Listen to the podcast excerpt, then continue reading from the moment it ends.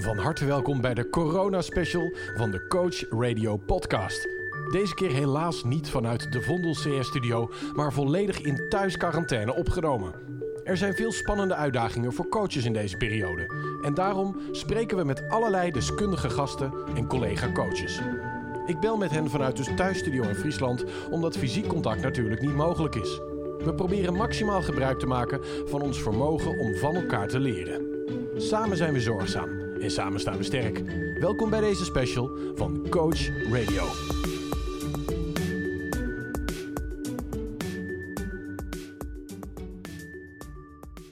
Hey Lilian, hartstikke leuk dat jij er ook bent op afstand. Waar zit jij precies in Nederland? Ik zit uh, in Meppel, uh, Arvid, in In het het zuidwestelijkste puntje van Drenthe. Ja, van prachtige Drenthe, ja. En, en mis je onze studio in Amsterdam al? Want normaal zitten wij met z'n allen gezellig om een ronde tafel en dan drinken we een bak koffie en nou zit je ver, ver weg. Gaat het goed met je? Ja, het gaat heel goed. Het enige wat ik mis, ik, ik haal eigenlijk altijd wel wat lekkere dingen als we in de studio zitten. Ja. En ehm, ja, dat heb, heb ik nu niet gedaan. Dus ik, ik mis een beetje de bevoorrading. Ja, nee, begrijp ik. Nou, ja, goed, misschien kunnen missen, we... missen we bijvoorbeeld allemaal, ja. Ja, en, en waarschijnlijk in mijn geval heb ik ook van alles in huis. De wijnkoelkast is vol in elk geval, dus ik, eh, ik, ik Oh, heb niks te nou. klagen. Hey, eh, eh, jij kwam met het idee van laten we nou in deze crisistijden... jullie hebben zo'n website gemaakt, Samen eh, Zorgzaam geloof ik. En daar, Ja. toen zei jij laten we nou een speciale editie maken. Ja, van, ja, van de podcast. Er is natuurlijk zoveel informatie online te vinden. Excuus, de regelingen vliegen ons om de oren, waar we straks ook nog meer over gaan horen. Er is natuurlijk ook wel wat, nou ja, niet alleen zakelijke onrust, maar misschien ook wel wat sociale onrust. En ehm, ik denk dat wij daar misschien met de podcast wel wat helderheid in kunnen scheppen. Ja, nou, wij, wij, Ja. dat idee kwam van jou. Toen zijn we aan de slag gegaan. We hebben allemaal mensen gebeld die mee wilden doen. We hebben zes verschillende items in deze podcast zitten. En eh, ja, ik Ja. stel voor dat we gewoon gaan luisteren naar de eerste. Dat gaat over een, eh, financieel expert, eh, Tim Hoogveld.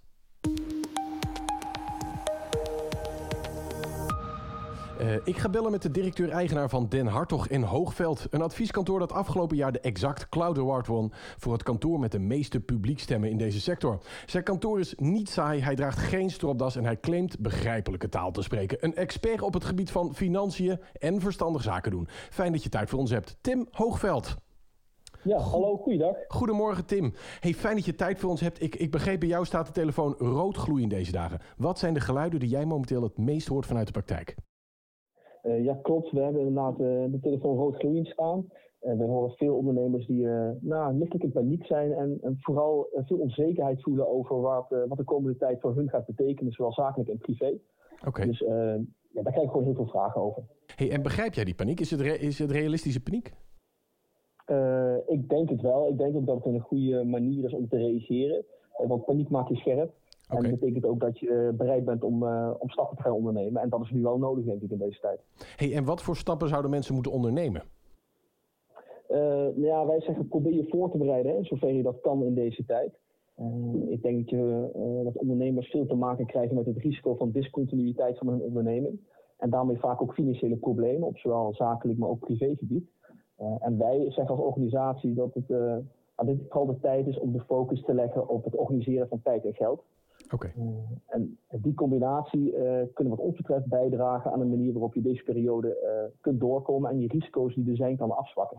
Hey, en jij zegt eh, discontinuïteit. We hadden beloofd, volgens jouw website is het alleen maar begrijpelijke taal. Als je nou ZZP'er bent, een coach en je bent paniek. En eigenlijk betekent dit gewoon, mijn opdrachtgevers hebben gezegd, we zetten even overal een stop op. Wa- waar moet je financieel gezien naar kijken? Wat is, hè, want, want je, je inkomstenbron eh, droogt misschien een beetje op of dingen worden uitgesteld. Wat, wat is dan het belangrijkste om naar te kijken? Hoe moet je omgaan met je liquiditeiten bijvoorbeeld?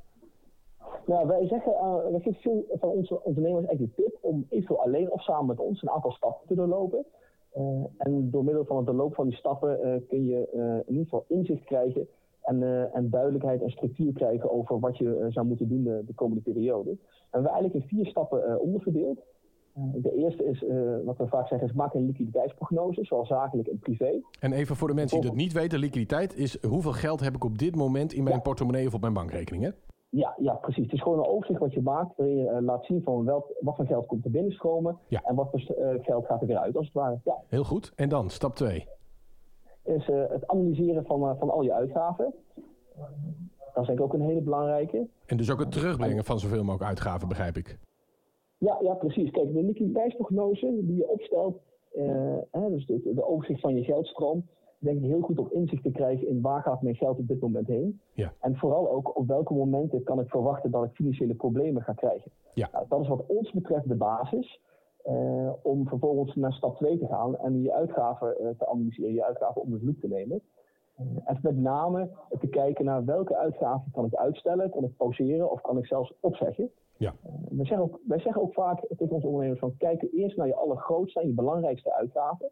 Bijvoorbeeld verplichtingen die je hebt, of betalingen die je zou moeten doen aan financiers of verhuurders. Of de huur, ja. En kijk of je, ja, probeer met hen gewoon in gesprek te gaan. Hè? Want het is een, een, een tijd waarin we uh, nou, moeten kijken naar elkaars maatschappelijke belangen en, en, en naar de medemenselijkheid. Hè? Dat moeten we eigenlijk voorop stellen. En ga eens in gesprek en ga eens kijken of je dispensatie kan krijgen voor je verplichtingen. Ja. Er zijn ook, ook voldoende banken en hypotheekverstrekkers die hebben aangekondigd om, om voorwaarden uitstel te verlenen. Voor bijvoorbeeld rente uh, tijdelijk te verlagen of uitstel te geven van, van het betalen überhaupt van de hypotheek. Ja, en, en een, een verhuurder heeft natuurlijk ook helemaal geen belang bij leegstand, zeker niet in deze tijd. Dus daar kun je Nee. vaak gewoon mee in gesprek treden en in elk geval een, een minderlijke regeling gaan treffen, toch? Ja, ja, ja, zeker weten. Er zijn bijvoorbeeld klanten die in gesprek zijn gegaan. En uh, nou, dan krijgen ze bijvoorbeeld uh, één, uh, één maand krijgen ze als het ware cadeau. En, en de andere maanden worden uitgesmeerd over, over meerdere maanden als, het, als de coronatijd voorbij is. Ja. Dus dat zou natuurlijk een hele, hele mooie oplossing kunnen zijn. Dus de eerste stap is, we gaan die liquiditeitsprognose maken en kijken naar waar onze geldstromen zitten en wanneer we eigenlijk klem komen. Twee is, Ja. zorg nou dat je je uitgaven zoveel mogelijk in de hand houdt en kijkt of je dat kunt uitsmeren en deals kunt maken. Dus ook daar weer een balans treft, zeker voor de grote uitgaven. Wat is stap drie? Ja. Stap drie is echt, ga onderzoeken waar voor jou de mogelijke steunmaatregelen uh, liggen, hè, welke je kunt gebruiken, of laat dat onderzoeken. Uh, want wij vinden dat je op basis van zo'n prognose en analyse van je uitgaven een goed beeld kan krijgen van je situatie. Ja. En je kunt dan bijvoorbeeld kijken naar steunmaatregelen als de tijdelijke ondersteuning voor zelfstandige ondernemers, hè, de TOZO, die je nou de laatste tijd veel hoort. Ja. Dat zou natuurlijk een maatregel kunnen zijn om te zorgen dat het inkomen per persoon of per huishouden aangevuld kan worden tot een maximum van 1500 euro voor de duur van min of drie maanden. dus dat kan natuurlijk heel interessant zijn op het moment dat je in je prognose ziet dat je wat geldproblemen krijgt. Of dat nou vaak zakelijk, maar dan ook weer privé. ja, dan kun je toch een, een inkomensbron weer hebben die dat wat kan aanvullen. Oké. Okay. En stap vier, de laatste. Nou goed, je hebt natuurlijk wel meer steunmaten die misschien wel interessant zijn om even oh, te noemen. Oh, sorry, dat wist ik niet. Verblijd ons. Nou, nee, ik vind het helemaal niks. Ehm, kijk, je kunt bijvoorbeeld denken, je kunt ook meteen wat bedrijfskapitaal nodig hebben als ondernemer. Hè? Dat je gewoon geld nodig hebt om wat, aan wat schulden te kunnen voldoen of wat kosten te moeten betalen. Ja. de TOZO biedt ook een mogelijkheid om bijvoorbeeld een stukje bedrijfskapitaal te lenen. Oké. Okay. Maar daar zit dan ook een rente aan verbonden, neem ik aan. Ja, ja, er zit een rente aan verbonden, maar die is wel minder hoog dan dat normaal gesproken. Hè. De TOZO is een afgeleide van de, ja, de BBZ, dat is ook weer een mooie afkorting. Uh, maar de TOZO heeft nu faciliteert eigenlijk wel een lagere rentes dan normaal gesproken het geval was. Normaal is het volgens mij 8%. En nu is het inmiddels wel een stukje verlaagd voor die TOZO. Maar, maar, maar die BBZ is volgens mij de bijzondere bijstand voor zelfstandigen. Hè? Dus dat is echt een, ja. een bijstandsuitkering die je kunt aanvragen. Ja. Drie maanden, dat wordt een gift en dat was niet aan vermogen gekoppeld, begreep ik zo snel. Maar Ja, zo'n lening, zou, zou je mensen snel aanraden om, om zo'n lening aan te gaan? Want dan steek je jezelf feitelijk in de schulden. Ja, nou, ik, ik zou wel zeggen, de leningen eh, die je aangaat, hè, dus onderdeel van die TOZO is bijvoorbeeld een lening, of bijvoorbeeld hè, de- het gebruik maken van alternatieve financieringen, eh, zou ik altijd als laatste redmiddel doen. Ja, ja. Dat- ik zou ook eens kijken naar. Ja, goed, ik- kijk, je hebt nog wel wat andere faciliteiten, bijvoorbeeld het verlagen van je voorlopige aanslag, inkomstenbelasting, dat zou je natuurlijk kunnen doen. Eh, En ook even daar weer, want, want niet iedereen is in die materie. Hè. Als je een voorlopig aanslag afspreekt met de Belastingdienst, dan baseren zij op de voorgaande jaren dat je alvast per maand betaalt voor het komende jaar. Dat schatten ze dus in op een goed jaar. Dus als jij zegt, dit Ja. jaar wordt zo duidelijk een minder jaar, laat ik dan alvast die voorlopige aanslag van bijvoorbeeld eh, 1000 euro per maand terugbrengen naar 300 euro. Ja, nou ja, pre- precies, precies. Oké. En eh, dat, dat, dat kun je gewoon bij de Belastingdienst eh, zelf eh, aangeven. Of je kan het via adviseur spelen. Oké. En de Belastingdienst heeft ook, heeft ook al aangekondigd dat als je een verlaging aanvraagt, zelfs als je de verlaging naar nul zet, Ja, en dan kan het zelfs ook leiden tot een teruggave. oké. Nou, dat klinkt fantastisch. Dus dat is ook weer een hele belangrijke in stap 3. Zijn er nog meer dingen in stap 3? Of gaan wij inmiddels met jouw toestemming naar stap 4? Eh, ja, ik zou ook kunnen denken aan nou, omzetbelastinguitstel zou je kunnen aanvragen. Hè? Dat is natuurlijk ook eh, wat de Belastingdienst al heeft aangekondigd. Ja. Dus dat is op zich ook wel een mooie stap. en, een IB-aangifte, de IB 2019 komt natuurlijk in mei. Dus als je die, hè, dat is vaak een grote klap, als je die niet hebt voor, voorbetaald, dus ook die zou je kunnen uitstellen. Ja, ook die zou je kunnen uitstellen. Ja, inderdaad, klopt. Heel goed. Nou, gaan we nu naar stap 4. Yes, uh, stap 4 is, we zeggen altijd, kijk, je moet uiteindelijk tot iets komen. Hè? Dus we zeggen stap 4, maak een actieplan. Uh, uh, stap 1, 2 en 3 kun je uiteindelijk structureren tot een, ja, nou goed, specifieke stappen die je zou moeten ondernemen. Dat kan dus zijn, welke steunmaatregelen zou ik nou ehm, moeten gaan aanvragen? Ja. wie kan ik daarbij gebruiken? maar het is vooral belangrijk dat je een actieplan opstelt om structuur en overzicht te houden. Want ik denk en, uh, dat deze boeiende tijd zich bij uitstek ook leent voor ondernemerschap en creativiteit. En daar is alleen maar ruimte voor op het moment dat jij structuur hebt en, en rust in je hoofd en, en weet wat je, wat je kunt gaan doen. Oké. Dus die eerste drie fasen die bereid je eigenlijk voor om met een goed fundament weer naar de toekomst te kijken. En in stap vier moet je een actieplan maken. Ja, wat ga ik nou doen om inkomsten te genereren eigenlijk? Nou ja, precies. Hè? Want kijk, uh, je, je creëert met actieplan structuur en rust. En, en daarmee kun je teruggaan naar de tekentafel. En dan komt er misschien ruimte voor nieuwe initiatieven. En ik denk dat je, als je de randvoorwaarden vanuit, uh, vanuit het actieplan en steunmaatregelen goed hebt geregeld, dan kun je vooral je, je energie richten op het ondernemerschap. En, en dat is denk ik wel wat nu heel belangrijk is. Nou, dat klinkt als fantastisch advies. Dank je wel voor jouw tijd, uh, Tim Hoogveld van het uh, kantoor Den Hartog en Hoogveld. En ik wens jou een fantastische dag. Ja, dankjewel. Tot ziens. Dag. Oké, okay, hi. Ja, dat was Tim. Wat, uh, wat, is jou bijgebleven, Lilian? Want hij had vier stappen, zeg maar. Uh, heb jij zelf al iets van die dingen gedaan? Ben jij zelf ook aan het kijken naar hoe je je kosten kunt terugbrengen en, en hoe je alle zaken op orde kunt hebben? Ja, uh, ik, nou, ik ben natuurlijk samen met een, met een ondernemer. En dus ik, ik ja, weet niet beter dan dat we omgaan en, en plannen in scenario's. Dus, en ons ook voorbereiden. En dat was natuurlijk een van de tips ook van, van Tim, hè, inzicht krijgen. Um, focus leggen op organisatie van tijd en geld. Dus waar gaat geld heen? Wanneer verwacht je problemen? En uh, wij hier thuis, uh, omdat we allebei in die zin flexibel inkomen kunnen hebben, zijn we eigenlijk altijd bezig met een, een gemiddeld scenario, een positief scenario, dus meer dan gemiddeld, en een ja, wat minder dan gemiddeld scenario. En op dit moment kijken wij naar het mindere scenario, zeg maar. Ja. Maar ik zag ook, wat vond ik wel leuk, jouw man uh, Maarten, die heeft een heel groot bedrijf in de horecawereld, de Hospitalitist. Hospi ja. ja. zeg ik het goed? Ja. En, en, en die de had een, ja, zeker. Ja, en die had een heel uh, televisieformat. Die staat op, boven in de Amsterdam Toren, staat hij daar met allemaal top ondernemers, staan ze daar les te geven en, en masterclasses. Dus, dus die heeft echt wel de kansen aangegrepen. Dus dat is zeg maar die stap 4 van Tim. heel erg kijken naar van wat kan ik nou eigenlijk doen om ook weer nieuwe kansen te creëren. Ja, precies. Um, ja, ja, Maarten vind ik daar echt wel uh, een topper. Een heel klein beetje reclame dan ja, voor mij. Ik wil zeggen, dit is wel een klein beetje bias, ja. maar goed, vooruit. Heel vooruit. klein beetje reclame. Ja, um, ja, dat, ja die, uh, hij slaapt dan een paar nachten niet en dan gaat hij ineens aan. En dan komt er een prachtig mooi initiatief uh, waarmee hij ja, probeert te verbinden. Hè. Dus iedereen valt nu eigenlijk een beetje op zijn stukje uiteen. Iedereen zit een soort van in isolatie. Nou, dat is letterlijk alleen. Um, en, en hij zegt dan, joh, we dan de isolatie aanpakken om wat onze kracht is per persoon, om dat daar dan te, te verbinden en, en samen uh, daar profijt van te trekken. Ja. Dus dat is uh, wel mooi wat jij ook zegt, hè, vermogen om van elkaar te leren. Ja, nou, dus, ik vond, uh, vond, ja, het leuk. Vond. Ik zag het ja. vandaag voorbij komen op LinkedIn en ik, ik het ook nog super profi gemaakt. Dus voor wie ze echt nog verveelt, ga dat zeker even bekijken. Um, we, we, gaan verder... Rondje van de zaak, moet je het wel noemen, hè? Hashtag rondje, ja, ik weet helemaal niet hoe het heet. Dus bij deze hashtag rondje van de zaak. goed man. Um, er zijn natuurlijk ook heel veel coaches in deze tijd die gaan in één keer online werken. Doe jij dat ook, Lilian, of niet? Uh, nee, ik doe het eigenlijk niet. Ik heb heel af en toe wel een call. Um, maar dat is dan vaak met, uh, met, met, ja, met professionals om eerder een soort van het proces te doorspreken, door te spreken. Dat ik echt daadwerkelijk uh, online coach. Um, omdat ik vind dat je daar toch echt wel in moet bekwamen. En ja, ik niet ervaar dat ik daar nu de juiste ja, vaardigheden voor heb, zeg maar. Dus ik, ik ben zeker wel geïnteresseerd en ik zie mezelf ook dat wel later wel doen. Uh, maar ik op dit moment vind ik, nou, ik, die competentie moet ik echt ontwikkelen. En uh, dat heb ik nog niet gedaan. Nou, wij hebben iemand gesproken die het al wel heeft gedaan. Ook al ver, ver, ver, ver ja. voor de crisis. En dat is uh, onze ja. volgende gast, Carla Hendriksen. Aan de lijn heb ik Carla Hendriksen van De Lange en Partners. Zij is als senior coach aangesloten bij de NOPCO en heeft jarenlange ervaring op het gebied van e-coaching. We gaan het er met haar over hebben. Goedemorgen, Carla. Ja, hallo Arvid. Goedemorgen, waar zit je op dit moment? Op dit moment zit ik in uh, mijn uh, coachpraktijk in Assen. Hartstikke goed. In thuisquarantaine natuurlijk. In, in thuisquarantaine, maar wel comfortabel en lekker lui uh, achterover. Nou, hartstikke goed. Ik hoop dat je helemaal gezond bent en blijft. Hey, um, in de afgelopen weken is natuurlijk iedereen in één keer gesprongen op dat hele e-coaching. Maar jij doet dit al jaren. Wanneer begon het voor jou eigenlijk, dat e-co? Wanneer wekte ja. het jouw interesse? Ja, nou bij mij is dat zeven jaar geleden begonnen.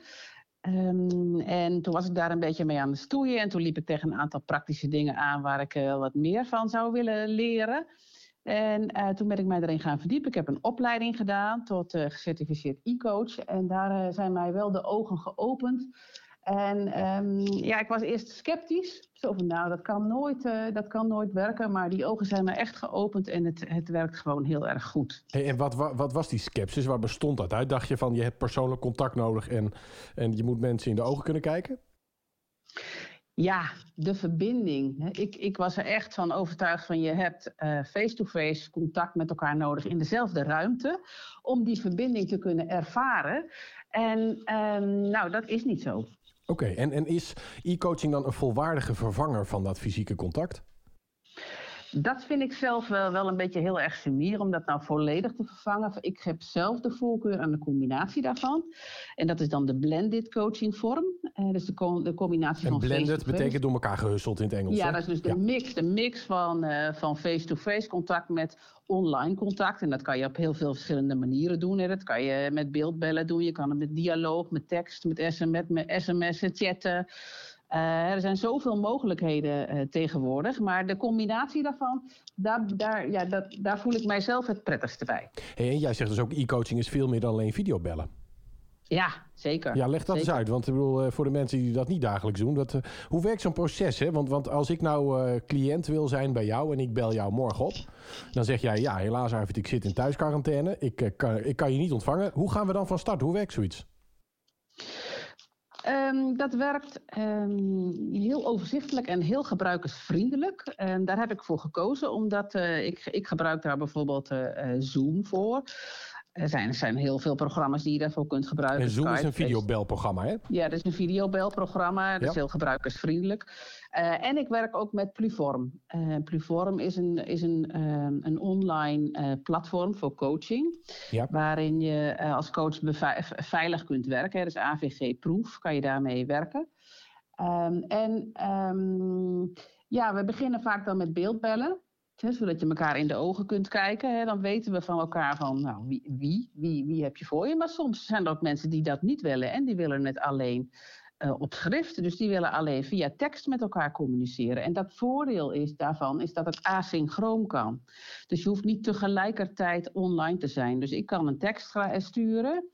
Uh, de coachie kan daarover nadenken. En die kan daar op zijn eigen tijd en tempo en, en op een passend moment op reageren. En, en in deze coronatijd, hè, dus mensen nu thuis zitten met kinderen op de achtergrond, um, ja, dan kan dat wel heel plezierig werken dat ze kunnen wachten tot 's avonds en ze even rustig aan reflectie kunnen doen voordat ze uh, een bericht sturen. Dus eigenlijk een soort WhatsAppen van, met de coach? Ja, zo zou je het kunnen noemen, maar het, dit gaat verder dan dat. Want je kunt, je kunt ook uh, hey, oefeningen erin zetten. Je kunt met modules werken. Er zit een bibliotheek in. Dus het is, het is wat meer opgetuigd dan WhatsApp. En het is natuurlijk nee, dat, dat begrijp ik. Maar de, maar de interactie ja. zeg maar, voelt alsof je een gesprek met elkaar voert en, en antwoordt wanneer je tijd hebt. En jij zegt dat Pluform, dat biedt dus een heel platform voor coaches. Hey, en als ik ja. nou coach ben, ik heb dit nog nooit gedaan. En jij zegt Zoom, ja. jij zegt Pluform. Ben ik dan meteen 10.000 euro kwijt als ik dat ook wil gaan doen? Uh, nee, nee. Vertel eens. Zoom, nee, maar, maar, Zoom is, nee, Zoom is gratis. Okay. Uh, tenzij, je, tenzij je met grote groepen uh, werkt en, en langer dan, ik geloof, 40 of 50 minuten online bent, dan moet, je, dan, dan moet je gaan betalen. Maar als je één op één werkt, is Zoom gratis. Voor iedereen. Zowel voor, voor, voor mij als voor de coachie. Dus dat, dat is probleemloos.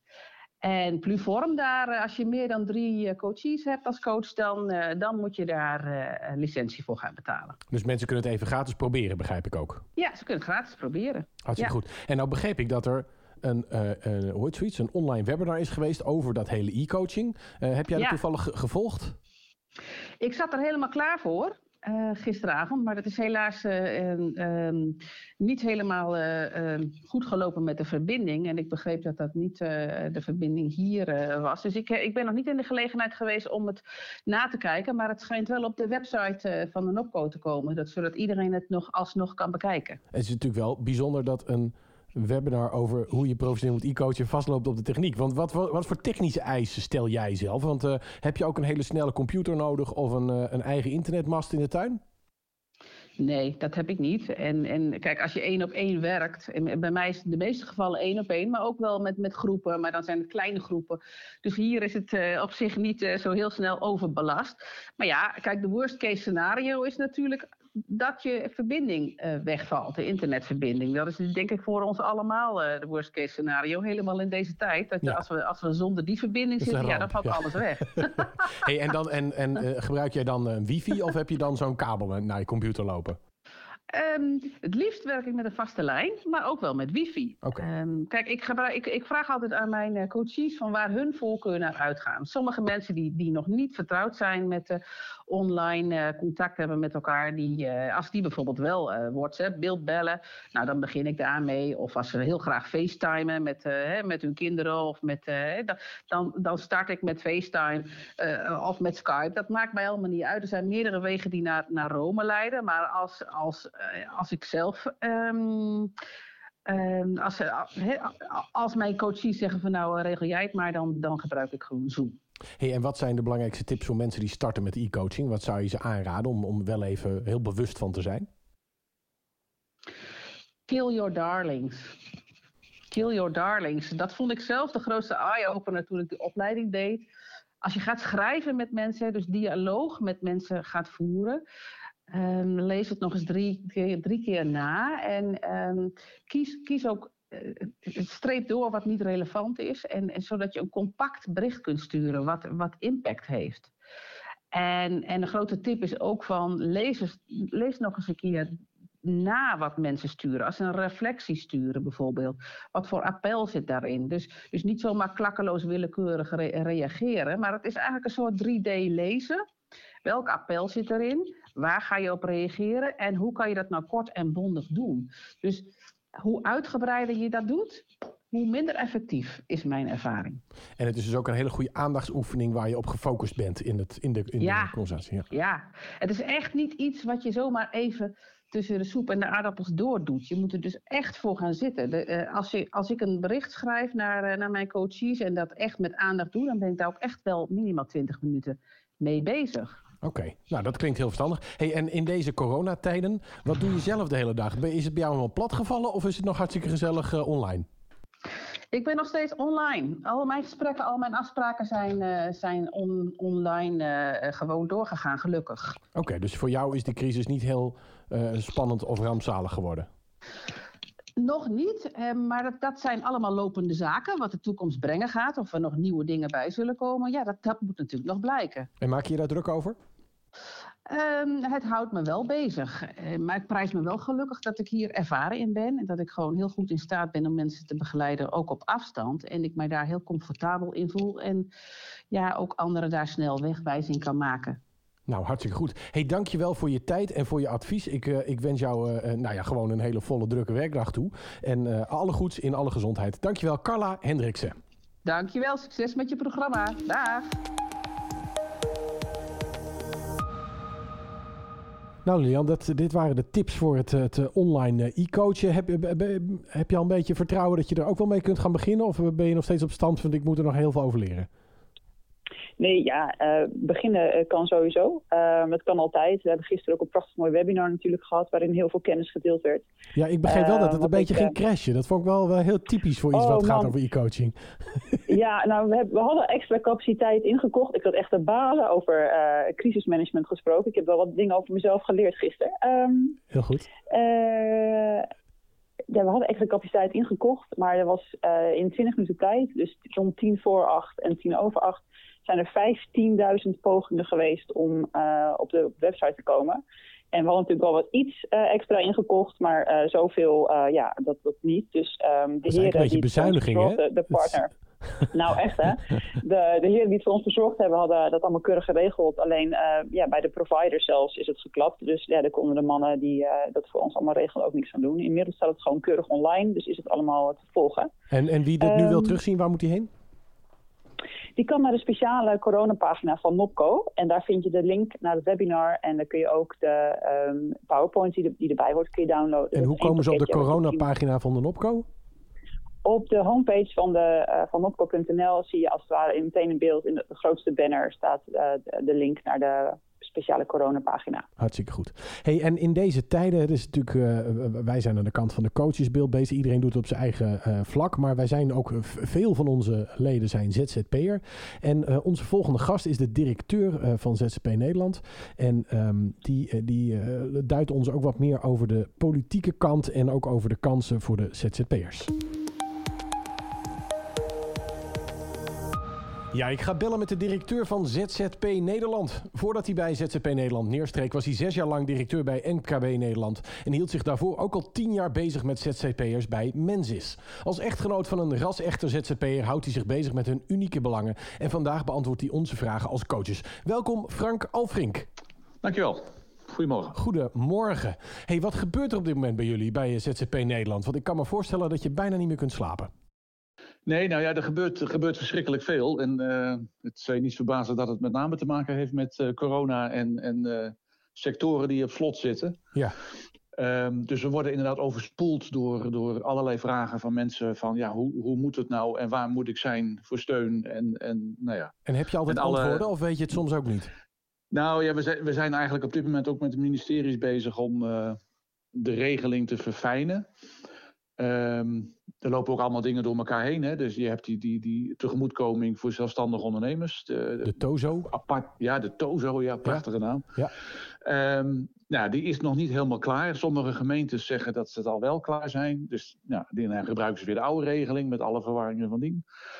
Um, maar we hebben nog heel veel. Eh, kijk, de mensen, de meeste zelfstandigen die melden hun unieke situatie. En zeggen van: heb ik er nou recht op, ja of nee?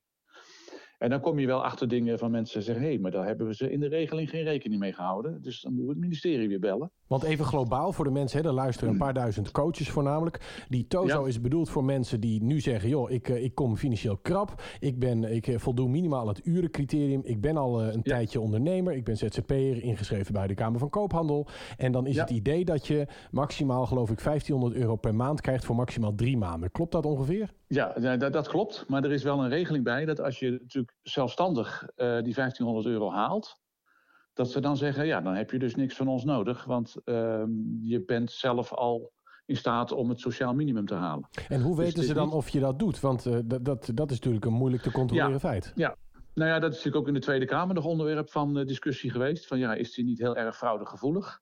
Nou, we hebben gezegd van jongens, laten we nou niet uh, weer een hele dienst optuigen in de komende drie tot zes maanden die dat ene fraudegeval gaat zoeken. Want um, ja, dan is het, uh, de, de dienst die je moet opsporen is duurder dan uh, de fraude waarschijnlijk. Ja. Um, dus wees ruimhartig en zeg gewoon van nou weet je wat, um, we kijken niet, hè, ze kijken sowieso niet naar een heleboel toetsen. dus ja. Maar is het, is het reëel? Want, want stel, hè, dus ze gaan uit van bijstandsminimum. Maar als jij een gemiddelde ZZP'er bent, misschien huur je ergens een ruimte voor een paar honderd euro. Ja. Jij hebt een, een autootje en je hebt een website en uh, weet ik wat ja, voor abonnementen allemaal lopen. Dan, dan is het natuurlijk ook niet fair om te zeggen, je moet het doen met dat bestaansminimum. Want dat kun je normaal ook niet. En jouw broodwinning nee. wordt wel van overheidshand even stilgelegd. Hoe kijk je daarnaar? Nou ja, kijk, je hebt, je hebt eigenlijk twee regelingen. Je hebt aan de ene kant uh, dus die, die tegemoetkoming voor de zelfstandige ondernemers, die 1500 euro. Ja. Aan de andere kant hebben ze de compensatieregeling getroffen sectoren. Um, en daar is, dat is die 4000 euro netto die, die je als gift kan krijgen. Okay. Maar daar staat weer als voorwaarde bij dat je in bezit moet zijn van een fysieke inrichting voor jouw werk buitenshuis. Oké. Okay. Dus nou, dat is prachtig, maar dan gaan wij weer vragen: ja, wat is een fysieke inrichting? Is dat ook een klussenbus? Ja. Of moeten we niet veel eerlijker zijn en zeggen: heb jij doorlopende zakelijke kosten. Juist. He, want uh, of het nou stenen zijn of een winkeltje. Ja, sommige mensen hebben doorlopende AOV's. Die hebben misschien derden ingehuurd. Hebben uh, voor een klus allerlei kosten gemaakt. Um, waar ze aan vastzitten die ze niet kunnen um, nou ja, verrekenen of uh, kunnen afzeggen. Dus wat ons betreft is criterium aantoonbare doorlopende zakelijke kosten, dan krijg je die 4000 euro. Maar dat is nog een strijd. Ja, precies. Want, want, want, hoe stel ik me dat voor? Zit jij zo dicht op het vuur dat je de hele dag nu met politici aan het lobbyen bent en heel dicht bij, die, bij de beslissingsmakers zit om, om voor deze grote groep van meer dan een miljoen mensen op te komen? Ja, feitelijk wel. we houden met name Kamerleden ehm, op de hoogte. Maar we, zitten dus, we zijn veel betrokken bij de schrijfclubjes, de ambtelijke schrijfclubs. Want uh, kijk, uiteindelijk gaat natuurlijk een minister of een staatssecretaris er wel over, over de formele akkoord. En oké, zo is die goed. Maar we zijn met name veel betrokken bij de ambtenaren die aan het schrijven zijn.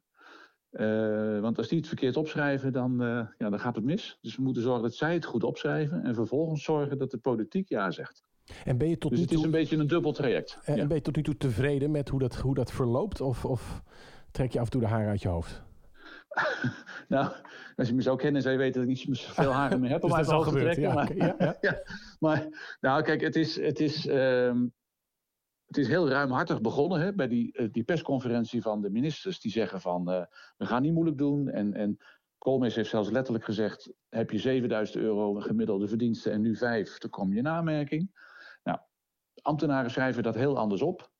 Want die zeggen nee, het, gaat, het, is een tegemoetkoming en het is een aanvulling tot het sociaal minimum. Dus um, die verzinnen veel meer regels erbij. Dat is een beetje een soort, ja, soort Pavlov-effect. Uh, in Den Haag lijkt het wel. Um, die gaan er eigenlijk, nou ja, ik wil het dus niet betichten, maar die gaan er bijna vanuit van iedere indiener is een fraudeur. Dus die moeten we, dat moeten we zien te voorkomen. Dus die schrijven het veel te strak op. Ja. Dus aan, aan die kant, dus ik ben nog niet helemaal tevreden. Maar het begon ook, want, want je zegt het begon met die persconferentie. Het begon eigenlijk met Erik Wiebes die zei... ja, die ZZP'ers die ja. hebben je zelf voor gekozen. Daar begon het mee volgens mij. Ja, echt een briljant opmerking. Die ja. man die, die, die praat wel eens vaker sneller dan die denkt. um, maar dit, ja, dat is natuurlijk... Ik bedoel, elke ondernemer... Gelukkig, ik hoop dat iedereen inderdaad er zelfstandig voor kiest. Maar die heeft er niet voor gekozen dat er een coronacrisis... en dat zijn sector op, op slot wordt gezet. Nee. Dus uh, dat is een hele domme opmerking. Hij heeft het later ook wel teruggehaald. Uh, nou, ook een beetje min of meer uh, dus excuses gemaakt voor zijn, voor zijn uitspraak. Ja. Maar het, het, het geeft wel aan um, ja, hoe, hoe, mensen denken over ondernemerschap en over ehm, dat het een eigen verantwoordelijkheid is. Maar ja, dit is geen ondernemersrisico. Precies, dit is geen onderdeel van dat gewoon nee, ondernemen. Hey, en op, jullie website zzp-nederland.nl, daar staan allerlei ja, vragen die, die beantwoord worden. Uh, maar ja. daar staat ook bijvoorbeeld dat mensen vragen van... joh, kan ik mijn hypotheekbetalingen uh, tijdelijk stopzetten? Is de situatie nu al zo nijpend na die paar weken bij ZZP'ers... dat dit al noodzakelijk is? Ja, bij, bij een aantal sectoren wel. Um, kijk, er zijn bijvoorbeeld sectoren zoals degene die in toerisme zitten... of de, de, de Amsterdamse stadsgidsen, die zijn ook bij ons aangesloten... Ja die zeggen ja, 60, 70 procent van mijn inkomen is nu, is in het voorjaar. Want dan heb je ja. al die groepstochten, mensen naar het, naar, het, naar het Rijksmuseum of naar de Keukenhof. En ja, dit is de periode waarin dus het merendeel van mijn inkomsten wegvallen. Um, nou, dan heb je best wel een buffer, ook niet iedereen overigens. Dus je hebt, ja, probeert alle doorlopende vaste lasten een beetje te minimaliseren of uit te stellen. Um, en over het algemeen is men daar wel toe bereid. Hè? Dus ook de verhuurders of inderdaad hypotheek. Het is dus niet een, een, periode dat je zegt: ik hoef mijn hypotheek niet te betalen, maar ik kan mijn betaling uitstellen. Dus Precies. het is wel iets dat je zegt: je moet wel rekening mee houden dat het wel kosten blijven. Alleen is de betaaldatum niet meer april, maar bijvoorbeeld uh, augustus. Maar er zijn ook allerlei kredieten. Hè? Bij jullie op de website ja. staat meer over het BMKB-krediet en, en, weet ik wat allemaal verzonnen is. Ja. Betekent het ja. eigenlijk dat de overheid hun oplossing eigenlijk leent bij de ZZP'ers? Dat vind ik een, is een moeilijke vraag. Ja, maar daarom stel ik hem uh, aan de directeur van ZZP Nederland. Ja, ja, ja, ja, ja, dat begrijp ik. ja. ja. nee, kijk, ze zijn inderdaad uh, wel met uh, kredieten wat makkelijker om, om deze periode te overbruggen. Dat zit ook in die TOZO-regeling. Er zit ook zo'n bedrijfskrediet in. Tot een maximum van 10.000. Maar die moeten die ZZP'ers zelf leden. Dus feitelijk betalen die ZZP'ers met z'n allen dan de oplossing ja. van, van de ja. minister. Ja, die, die, die, moeten ze inderdaad zelf lenen. Dat moet je inderdaad dan ook terug. Het is alleen maar een garantstelling hè, wat de overheid geeft. Um, we hebben wel voor elkaar in ieder geval dat die uh, rentepercentage wat op die bedrijfskredieten eerst zat, of op die uh, aanvullende kredieten vanuit de BBZ-regeling, daar zat een rentepercentage van 8% op wat je moest terugbetalen. Ja. Nou, dat is natuurlijk belachelijk in deze tijd. Dat is teruggebracht naar 2%. Okay. Dus dat is alweer een stuk redelijker. Een, een, gebaar, ja. En dat is inderdaad een stuk redelijker, want dat is, nou ja, dat is wel reëel. Dus zelfs nog hoger dan de hypotheek. Maar, ja, maar oké, okay, alsnog is het rente over sores die je niet over jezelf hebt afgeroepen. Ja, daarom. daarom. Dus eigenlijk had hij nul moeten zijn. Precies, maar uh, 8% was natuurlijk. Uh, ja, het is wel raar dat je ook daar zelfs discussie over moet voeren. Ja. Maar um, ja, iedereen is dan wel aan het proberen. Hoewel we ook voorbeelden hebben van mensen die zeggen van. Uh, ik, uh, ik ga kijken of ik hier een slaatje uit kan slaan. Dus dat, dat, dat is een beetje dubbel. Je ziet ook veel aanbod van mensen van. Goh, je hebt nou toch niks te doen. Um, koop dan even bij mij iets leuks. Ja, ja dat, niet, die timing wordt niet echt gewaardeerd. Nee, en, en, en, logisch, maar het is ook een beetje de menselijke natuur uh, uiteraard. Hey, de, de, kranten staan ook vol met de meest apocalyptische prognoses. Hè? Ze zeggen we gaan misschien wel 7% gaan we uh, dalen. Dat is echt een recessie. Maar als je daar nog eens een keer de buitenlanden bij optelt... die nog veel groter in crisis zitten omdat ze een total lockdown hadden... Uh, dan, dan is het echt nou ja, om, om te janken. Wat, wat, wat zie jij als, als een realistisch scenario voor de komende drie tot vijf jaar? Ja, ja, het is natuurlijk helemaal um, afhankelijk van hoe lang deze, deze crisis duurt.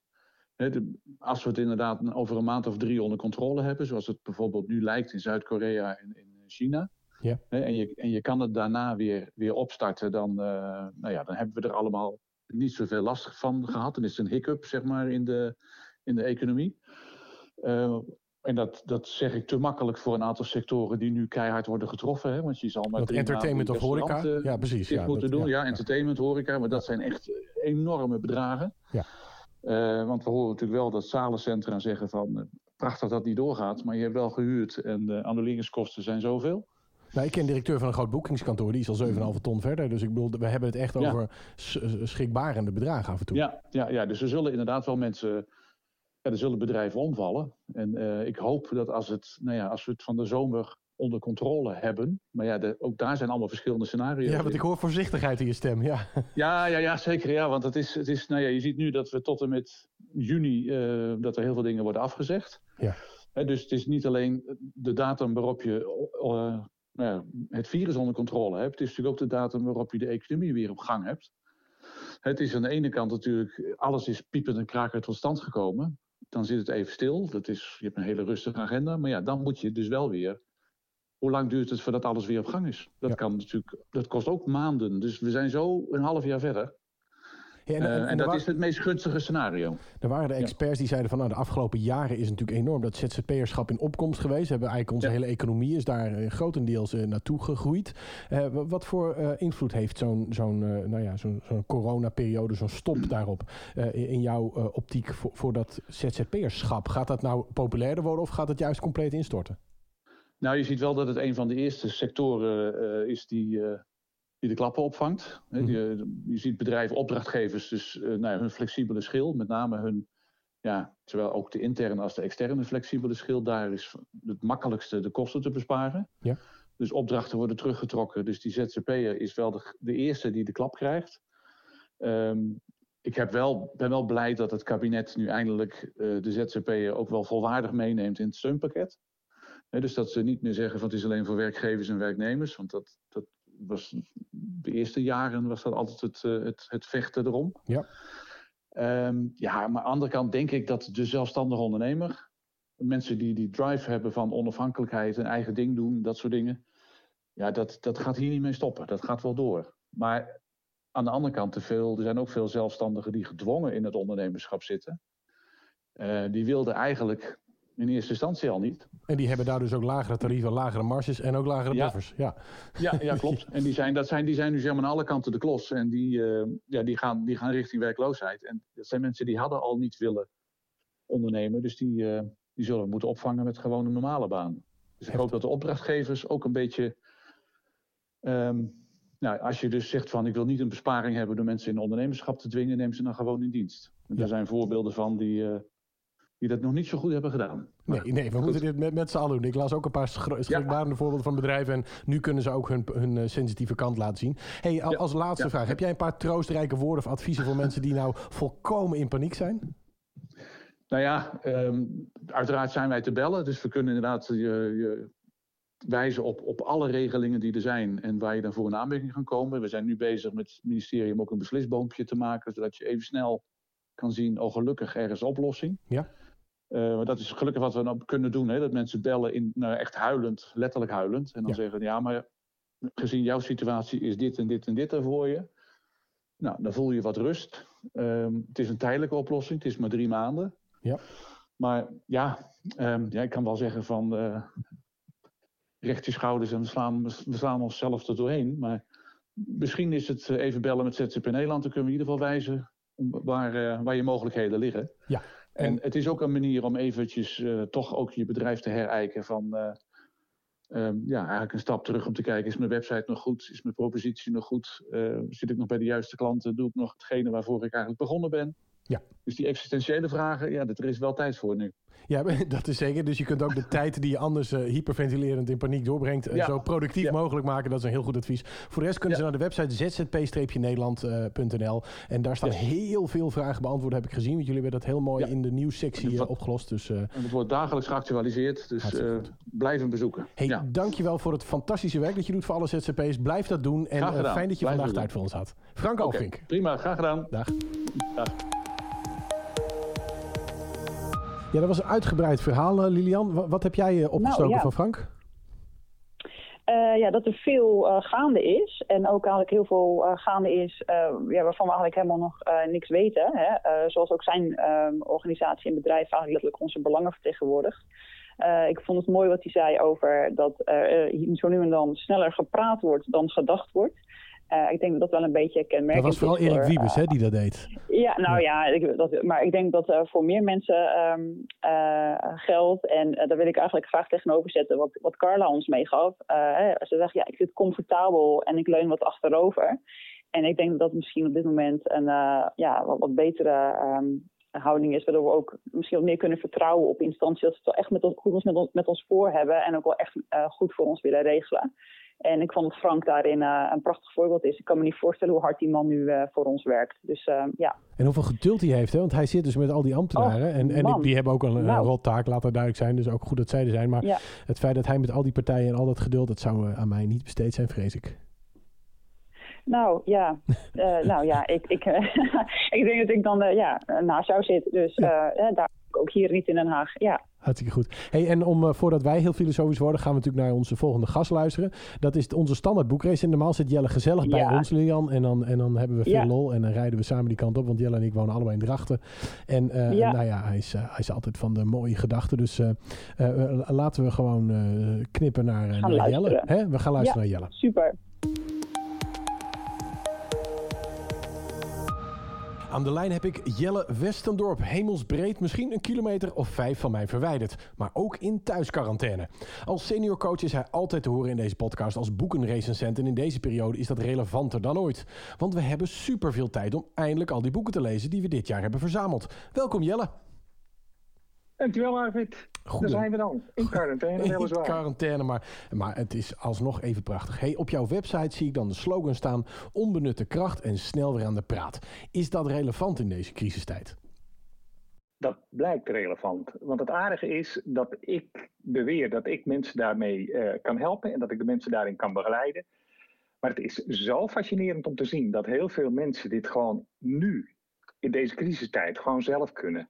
Ik zie leerkrachten enorm uh, uh, bezig met het online lesprogramma's maken, maar ook op afstand ouders begeleiden om de kinderen dus hun huiswerk te laten maken.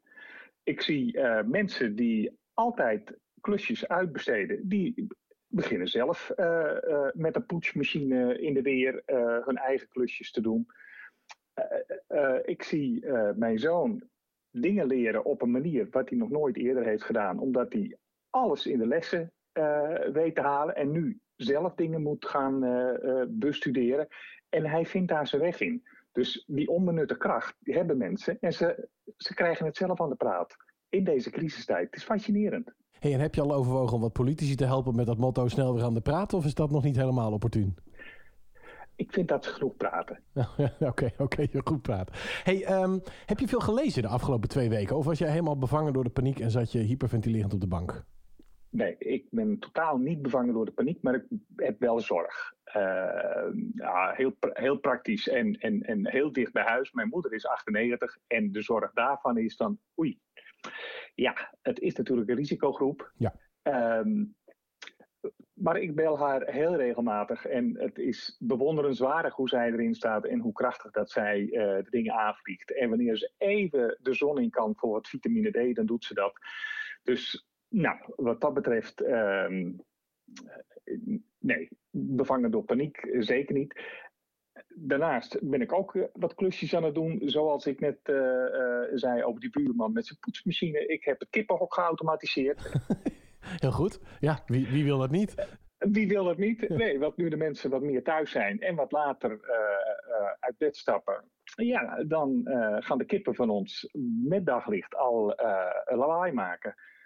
Omdat ze eruit willen. Dus ik denk, nou, ik automatiseer het zo dat ik bij licht het kippenhok openmaak via een mechanisme. En het kippengekraai is s ochtends niet meer aanwezig. En heb je al rekening mee gehouden dat dit weekend de zomertijd ingaat? Ja, hij automatiseert het zelf. Wauw, het is ongelooflijk. Hey, maar heb je, heb je veel kunnen lezen ook? Heb je, heb je daar nog tijd aan kunnen besteden? Uh, ik heb wel iets gelezen. Ik heb vooral weer eens even wat teruggebladerd. Ik, ik ben in wat niet-wetenschappelijke boeken uh, bezig geweest. En wat ook heel aardig was, dat was een boekje wat uh, ik tegenkwam op een boodschap van LinkedIn van Greet Vonk en Anja Jonkind. Ja. Dat heet Posttraumatische groei sterker door ellende als ondertitel. En wordt dat toch net uitgegeven op het moment dat uh, het bericht van het kabinet was: mensen, we moeten in de intelligente lockdown. Ja, en ik weet dat Greet dat niet zo gepland heeft, maar ze staan nu wel op nummer 1 in de, in de managementboek top 10, uh, geloof ik. Dus, uh, dus het is dit, als je het hebt ja. over universele energieën die bij elkaar komen, dan, dan vrees ik dat dit er wel eens een bewijs van kon zijn, toch? Jazeker, want toen die uitbraak kwam, zei. Um, zei Greet nog, ja, wat een timing. Agenda stond de komende weken vol met workshops en inspiratiesessies. En nu niet meer. En hoe nu verder? Ook de uitgever heeft geen idee. Nee. Niemand heeft gewoon ervaring met het lanceren van een boek precies op de dag van de lockdown. En ja, zij ervaren dat als heel bijzonder, maar het was ook even schakelen voor hen. Ja, en uh, nu is het gewoon geweldig om te horen van jou dat ze al op één staan. Ik wist dat ze op twee stonden. Dus ja, ik volg op LinkedIn, dus ik had het gezien. Maar, ja. maar, maar uh, sterker door ellende, dat moeten ze dan nu ook maar gaan aantonen. Jij hebt het uh, ja. al, al, gelezen. Wat, wat zie je er? Staan, staan er handvatten in voor mensen die ze op dit moment kunnen gebruiken? gebruiken? Ja, ik heb, het, ik heb het in die zin nog uh, niet...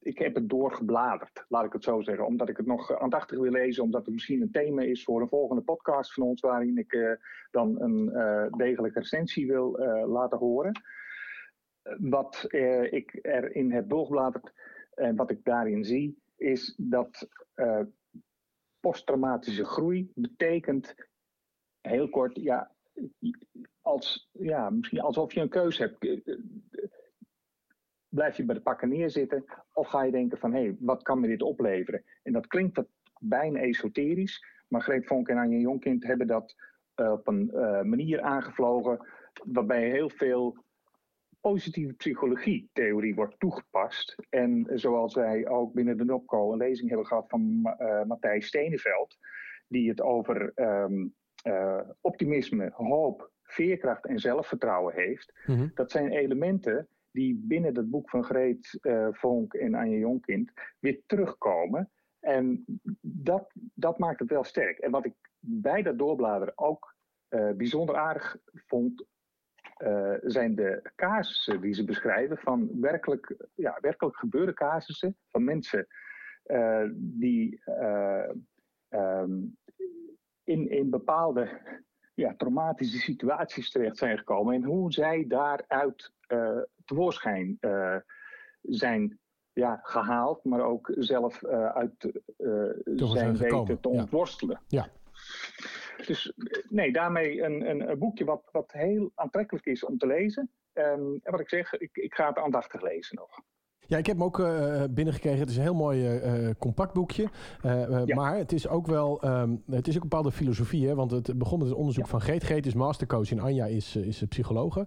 En die werken ja. heel lang samen. En um, de, ik herinner me het onderzoek van Geet... waarin ze eigenlijk zegt... heel veel mensen zien iemand die bijvoorbeeld een burn-out heeft gehad... echt als iemand met een, een kruisje achter zijn naam. En zij zeggen, ma maak daar nou een sterretje van op je schouder. Want het is een ervaring die je rijker bent geworden. En ja, misschien is die, die blik op de wereld wel heel erg welkom op dit moment. En ik weet dat ze ook allerlei ja. online webinars volgens mij gaan doen aan de hand van dit boek. Dus uh, mensen die toch in dit vak uh, coaching geïnteresseerd zijn, uh, is het in een, is het een aanrader. Hey, en Jelle, verder, want, want we weten niet hoe het gaat zijn de komende weken, maanden nee. voor coaches.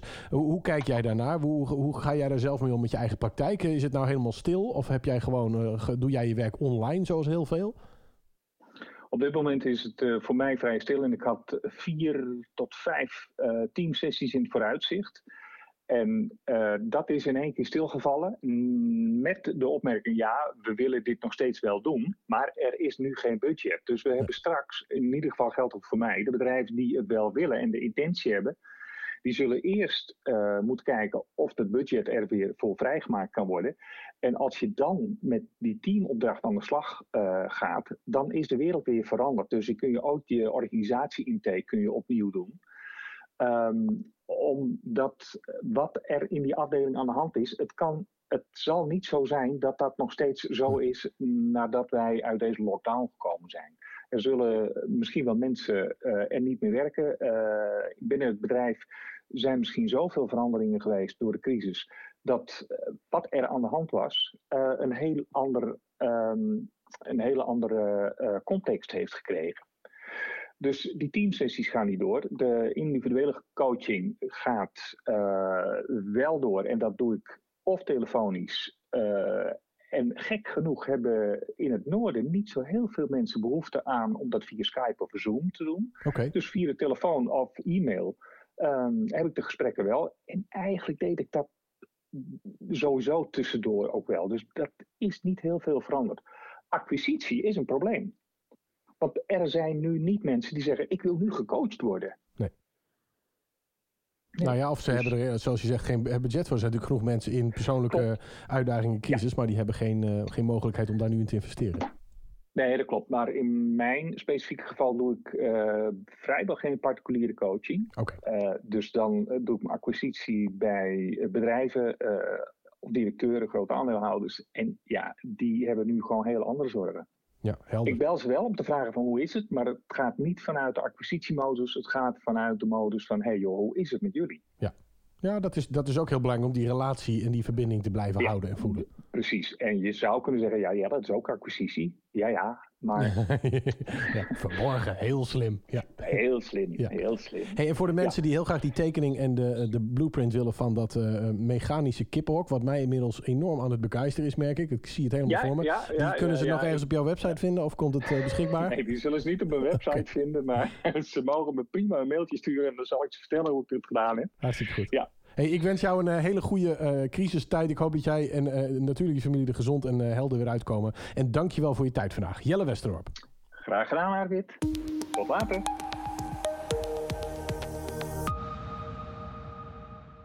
Ja, Jelle zei iets moois, vond ik. Hij zei, uh, hij duidde op het einde van uh, uh, als je voor de crisis met iemand bezig was of met een nieuw project zou beginnen en je gaat na de crisis daarmee verder, dan moet je eigenlijk helemaal opnieuw gaan kijken naar wat de behoefte is. Dat vond ik eigenlijk wel een interessante les. Daar had ik zelf nog niet zo bewust over nagedacht. Jij? Nee, ik ook niet. Ik vond het ook mooi dat hij noemde hoopvol, hoopvol gedachtegoed. En um, ja, ik, omdat ik gewoon zie wat er om ons heen allemaal gebeurt aan initiatieven. En dat, uh, Tim noemde ook al de medemenselijkheid. Ik denk dat dat wel meer, meer zichtbaar wordt. Dus er wordt een stukje flexibiliteit gevraagd, maar ook wel een stukje uh, dat we elkaar, ja, het mag niet meer, want je mag elkaar de hand niet reiken, maar dan wel symbolisch, zeg maar. Hè? Um, ja. En dat gebeurt al veel, ja. Ja, gaaf. Hey, en uh, de, de volgende die we gaan bellen, dat is een, uh, een coach. Hè. We hadden ook even gekeken van, joh, zijn er gewoon mensen die lekker met dat vak bezig zijn. Doe jij wel eens iets met dieren uh, in, je, in je praktijk, Lilian, of helemaal niet? Nee, helemaal niet. Ik heb wel, ik doe veel aan yoga op het moment ook. Um, elke dag probeer ik wel een heel klein beetje iets te doen. Wat sportief om maar een beetje in beweging te blijven. Ja, nou ja, een beetje in beweging te blijven. Ze zeggen dat ook wel bewegen is natuurlijk leven. Dus um, dat laten we dat maar blijven doen dan. Dan kon ik wel eens een um, tijdje dood zijn op dit moment. Maar dat, uh, nou goed, dankjewel voor die hint. Nou ja. en uh, nou, dat is misschien wel een tip, Arvid, inderdaad. Wow. Uh, nee, en dan zie ik bij yoga zie je allerlei vormen voorbij komen. Uh, yoga met geiten en met varkens. En ik weet niet wat voor beestjes allemaal niet meer. Um, lijkt me heel leuk om dat een keer te proberen, maar ik heb dat nog niet in, in, de, in de praktijk aan de hand gehad. Nee, zeker niet. Nee. Nou, onze volgende coach die werkt niet met paarden, maar met schapen. Dus laten wij vooral gaan luisteren naar Annette Bienfait. Ja, ik spreek met Annette Bienfait, senior coach bij de NOPCO en gevestigd in Loenen, Gelderland. Ze benoemt op haar website dat ze werkt met onder andere vliegers en jawel, schapen. Hoe deze specifieke groepen en vooral zij zichzelf staande houdt in crisistijd, vraag ik vandaag aan haar. Welkom Annette. Dankjewel Arvid. Hoe is het daar? Het is hier uh, heerlijk weer, zoals uh, uh, bij jou denk ik ook wel. Ja, het is schitterend. En het is heerlijk rustig ook. En dat is uh, anders dan uh, op een uh, normale vrijdag. Hey, en wat dus... doe jij op zo'n reguliere crisisdag in volledige quarantaine? Volledige quarantaine. Ik geniet en ik neem de quarantaine en zie de kansen ervan. En ja, er zijn heel veel dingen natuurlijk afgezegd en lopen niet meer door. Maar er zijn ook heel veel dingen die zich aandienen juist nu. En dat, dat vind ik een interessant uh, iets. En wat voor dingen uh, dienen zich nu aan? Mensen die worstelen met die crisis? Ja, dat. Ik bedoel, wat voor ons coaches geldt, hè, dat uh, je je werk helemaal moet herbezien. En voor mij, je had het net over de schapen. Ja, de, dat is in groepen, werk ik met schapen en teamcoaching. En dat is natuurlijk helemaal van de baan. Ja. Maar wat dan wel? En ik ben veel meer geïnteresseerd niet in wat dan niet, maar wat dan wel. En wat voor ons geldt, geldt voor onze klanten natuurlijk ook. En dezelfde dilemma's. Um, en daarin zitten ontzettend veel mogelijkheden. Ik bedoel, de, uh, wij zitten nu te bedenken van wat moeten we nu. Um, en daarin zit heel veel uh, kansen, namelijk van zelfreflectie. Of waar sta je nu? Of waar heb je zin in? Uh, of wat, wat heb ik te ontdekken? Of waar loop ik tegenaan? Of waar ben ik uh, al heel lang mee bezig en schuif maar voor me uit? Maar goed, als je, als je gaat zeggen, uh, ik heb het over reflectie en wat zou ik uh, aan mezelf kunnen leren. Dat is natuurlijk leuk voor de eerste vier weken. Maar na drie maanden wordt het op een gegeven moment, waar moet ik trouwens gaan eten vanavond? Dus hoe, hoe, hoe heb je dan ook wel een beetje stress van hoe lang gaat dit duren? Of zeg je van nee hoor, ik, ik, ik aanvaard dit allemaal? Ja, ik aanvaard dit en uh, je kunt je heel erg zorgen maken uh, en, en in stress schieten voor over wat over drie maanden misschien gebeurt. Maar laten we kijken naar wat er nu gedaan kan worden. als mensen aan reageren vanuit paniek, dan heb je sowieso dat je 1-0 achterloopt. En het is beter om te kijken van waar, waar kunnen we wel uh, onze tanden inzetten in plaats van uh, te reageren van wat niet. Dus als jij vraagt van wat nou over drie maanden en als jij nog weer moet bedenken van wat eten we nu of naar welk restaurant gaan we. Nou, start zelf een kookcursus of ga vergeten groentes uit de kast halen of kook je voorraadkast leeg. Dus zulke soort dingen zitten er gewoon überhaupt in het leven. Dus daarin, dat is best interessant om naar te, daar naar te kijken. En um, ja, ik neem aan dat jij dat ook doet. Nou ja, zo, zo goed mogelijk. Maar, maar we gaan het vooral over jou hebben. Want jij bent ook kunstenares, weet ik. Uh, hoe, hoe leg jij die creativiteit? Kun je die ook gebruiken in deze periode? Is dat ook een manier om zo'n probleem aan te vliegen? Zeker. Ik denk dat creativiteit überhaupt uh, in deze tijd een uh, belangrijke is. omdat je dan niet de gebaande paden volgt, maar een ander pad moet uitvinden. En ik denk dat als je in een creatief proces zit, dat je altijd uh, kijk naar van, uh, bijvoorbeeld als je steen aan het hakken bent, uh, dan weet je nooit zeker of die gaat barsten. Dus je bent altijd aan het kijken van wat gebeurt er nu en daarop anticiperen. En ik zie dat in deze situatie ook zo. Dus ik kan ehm, me zorgen maken over, voor over een uur. En ik kan denken van ik ga nu aan de gang door inderdaad te gaan beeldhouden of iets anders te gaan doen of een goed boek lezen. Um, dingen waar ik niet aan toe ben gekomen. Ja, dat is echt heerlijk ik merk nu pas hoeveel uh, tijd ik uh, over heb om dat soort dingen nu aan te gaan. Ja, hey, en jij werkt ook veel met vliegers. Uh, de, ja. Als in de piloten, die zitten echt helemaal aan de grond over het algemeen op dit moment. Hè. Die, er wordt heel weinig Letterlijk, gevlogen. Ja. Letterlijk aan de grond. Mooie, ja. ja. komen die dan ook allemaal massaal naar jou toe vliegen om, om daarover te praten? Of is het juist helemaal in isolatie dit doorleven? In isolatie doorleven. En uh, het is wel grappig dat je zegt, ze vliegen niet aan me toe, want ze zitten aan de grond, letterlijk. Um, nee, vliegers, uh, ik, ik, heb geen idee. Op dit moment is, houdt iedereen, wat ik merk, een beetje de adem in. Um, en ik denk, nou net terug naar jouw vraag over wat over drie maanden. Ik denk dat als iedereen ophoudt met zijn adem in te houden, dat het nog wel interessant kan worden. Want ja, dan, dan gaat iedereen wel weer in beweging komen. Dus ik hoor ook wel een ehm, positieve vibe. Je hebt wel zoiets van het komt allemaal wel weer goed, begrijp ik. Het, zeker een positieve vibe. Uh, ja, weet je, um, de media uh, en, en uh, alle informatie die je krijgt is een en al doemscenario. Um, ja, ik ben er niet zo van plan om mee, mee, te gaan, omdat dat, als we het over creativiteit hebben, is dat een aardige das omdoende afdoende uitspraak. dus ik, nee, ik kijk naar wat wel, naar wat wel kan. En ook voor mijn cliënten, hè, want je kunt nu niet bij elkaar gaan zitten, maar er is zoveel meer mogelijk. en ook cliënten zitten met dezelfde vraag als wij zitten als coaches, van wat nu? Dus we hoeven het niet te weten als we gewoon samen daar die vragen gaan bekijken, zeg maar. Exact. Ja. Hey, er zit er zoveel kans in. Hoe zit dat met die schapen? Hebben die ook last van corona? Of, want die houden geen anderhalve meter afstand. Nee, met schapen. Nee hoor, die zijn ingeënt. Okay. Uh, ja, nee, die schapen die houden geen afstand en uh, die lopen lekker uh, wat in de wei vrij te zijn. Want het teamcoachen met schapen is tot 1 juni voor ons ook klaar.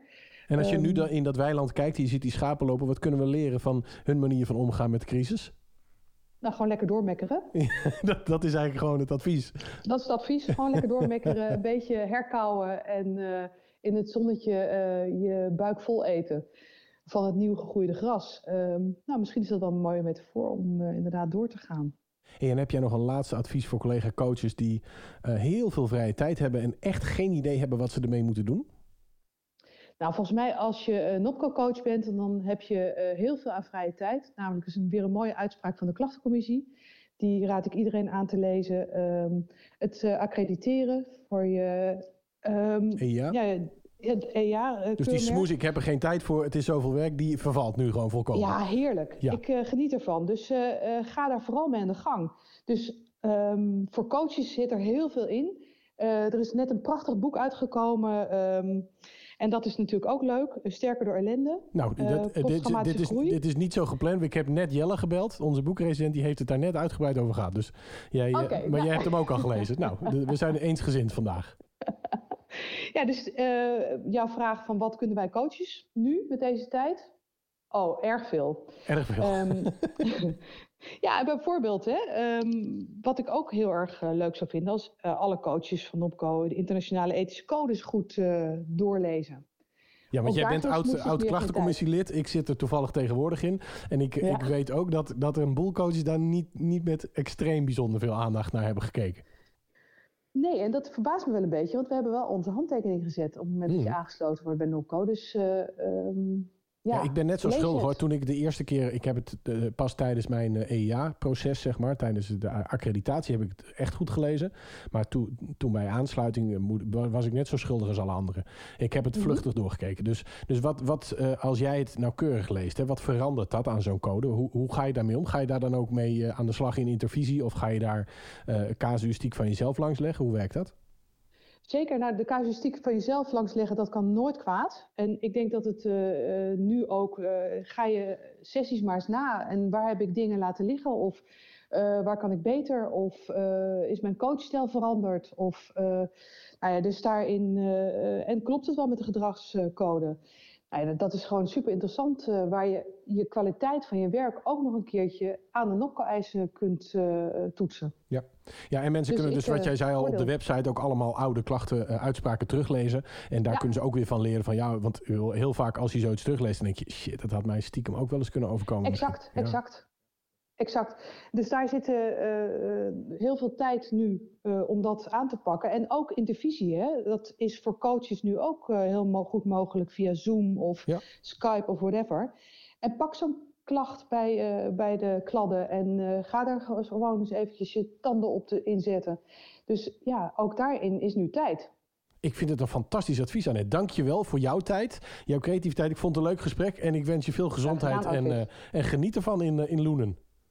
Ga ik zeker doen. Jij ook daar in Friesland. Hey, fijne dag. Okay, Groetjes. Hi. Hi, hi.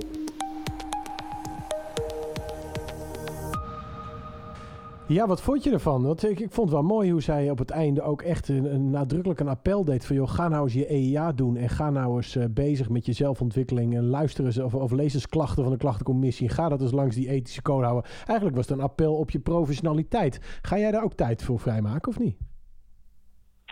Uh, nou ja, zodra ik er tijd voor krijg, wel. Ik, uh, nu zijn we natuurlijk best wel druk met NOPCO om dingen goed te regelen en ook uh, mensen achter de folder aan te zitten.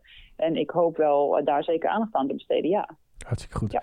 Nou, ik vond, ik vond het mooi. We hebben natuurlijk een aantal sprekers gehad. Heb, heb jij voor nu, voor coaches die bezig zijn, jij krijgt veel telefoontjes, veel crisismeldingen ook, jij doet veel de social media. Heb jij zaken voor, voorbij zien komen van je zegt, nou die wil ik heel graag even, even behandelen of bespreken? Ja, um, omdat we natuurlijk nu met z'n allen online werken en bijna 24-7 online zijn, uh, lijkt het alsof de um, uitgestelde behoeftebevrediging van mensen um, ook wat, uh, nou ja, hoe zeg je dat, wat minder uh, aandacht krijgt. dus er wordt van ons allemaal, lijkt het wel verwacht, alsof we ook direct reageren. Ik, het is een voorbeeld, als ik dan een mailtje krijg en ik reageer binnen een half uur niet, dan heb ik al per app twee reminders bijvoorbeeld. Um, laten we dat allemaal uh, uh, niet doen. En laten we een beetje zoals Annette uh, ook aangaf, herkauwen en doormekkeren in de zon. Um, dus dat we elkaar ook daarin de ruimte gunnen. dat we online werken wil niet zeggen dat we allemaal maar ook meteen beschikbaar zijn. En ook continu beschikbaar zijn. Laten we daarvoor waken. Want dat levert juist stress op. En we moeten juist een beetje ontspanning zoeken in deze stressvolle tijd. Heel goed. Ik vind dat was in het verhaal, ja, het was het verhaal van iedereen eigenlijk. Hè? Ja, ja denk het ook. Ja. Hey, en verder nog zaken die ze moeten weten, die ze kunnen opzoeken, waarvan je zegt, nou ja, mocht je echt in crisis zitten, dan moet je dit doen? Uh, ja, in een crisis. Wat, wat voor crisis bedoel je dan, Arvid? Nou ja, mensen die nu thuis zitten en het alsnog aan het einde van deze podcast bijna nog steeds niet weten. Wat, ja. uh, heb jij een, een, noodnummer van de NOPCO of, of vinden ze alles op de, op de uh, corona-website gedeelte? Wat, wat, wat moeten ze doen? Ja, ze kunnen in principe alles vinden op de, corona, op de coronapagina. En ons secretariaat uh, werkt ook gewoon. Ze werken ook al iets meer van, vanuit huis, uh, remote. Maar ze zijn wel volledig bereikbaar en beschikbaar. Um, je kunt het bestuur ook altijd e-mailen. van hun telefoonnummers genoemd van bijvoorbeeld RIVM of van de Kamer van Koophandel. Belastingdienst, die worden allemaal genoemd. Dus ja, op het moment dat je het even niet meer weet, ja, reach for all out, zoals de Engelsen dan zo mooi zeggen. Uh, blijf niet zitten piekeren en uh, deel uh, en vraag wat je nodig hebt. Ja. Hartstikke goed. Hey, dankjewel voor jouw tijd vandaag. We gaan deze uitzending afsluiten met onze allerlaatste gast. En dat is Charlotte van der Waal-Baken.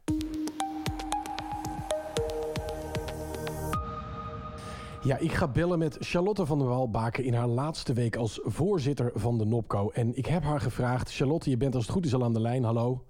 Hi. Hi. Ik heb jou gevraagd, zou jij als afsluiter van deze corona-special nog een aantal woorden willen richten tot deze leden? Dus ik geef jou het, uh, het woord. Dames en heren, Charlotte van der Waalbaker. Hi, dankjewel. Wat ontzettend fijn dat ik deze kans krijg. Want ik vind het fijn en belangrijk om juist op dit moment even een hart onder de riem te steken voor coaches in zware tijden. Het coronavirus zet Nederland en de wereld op zijn kop.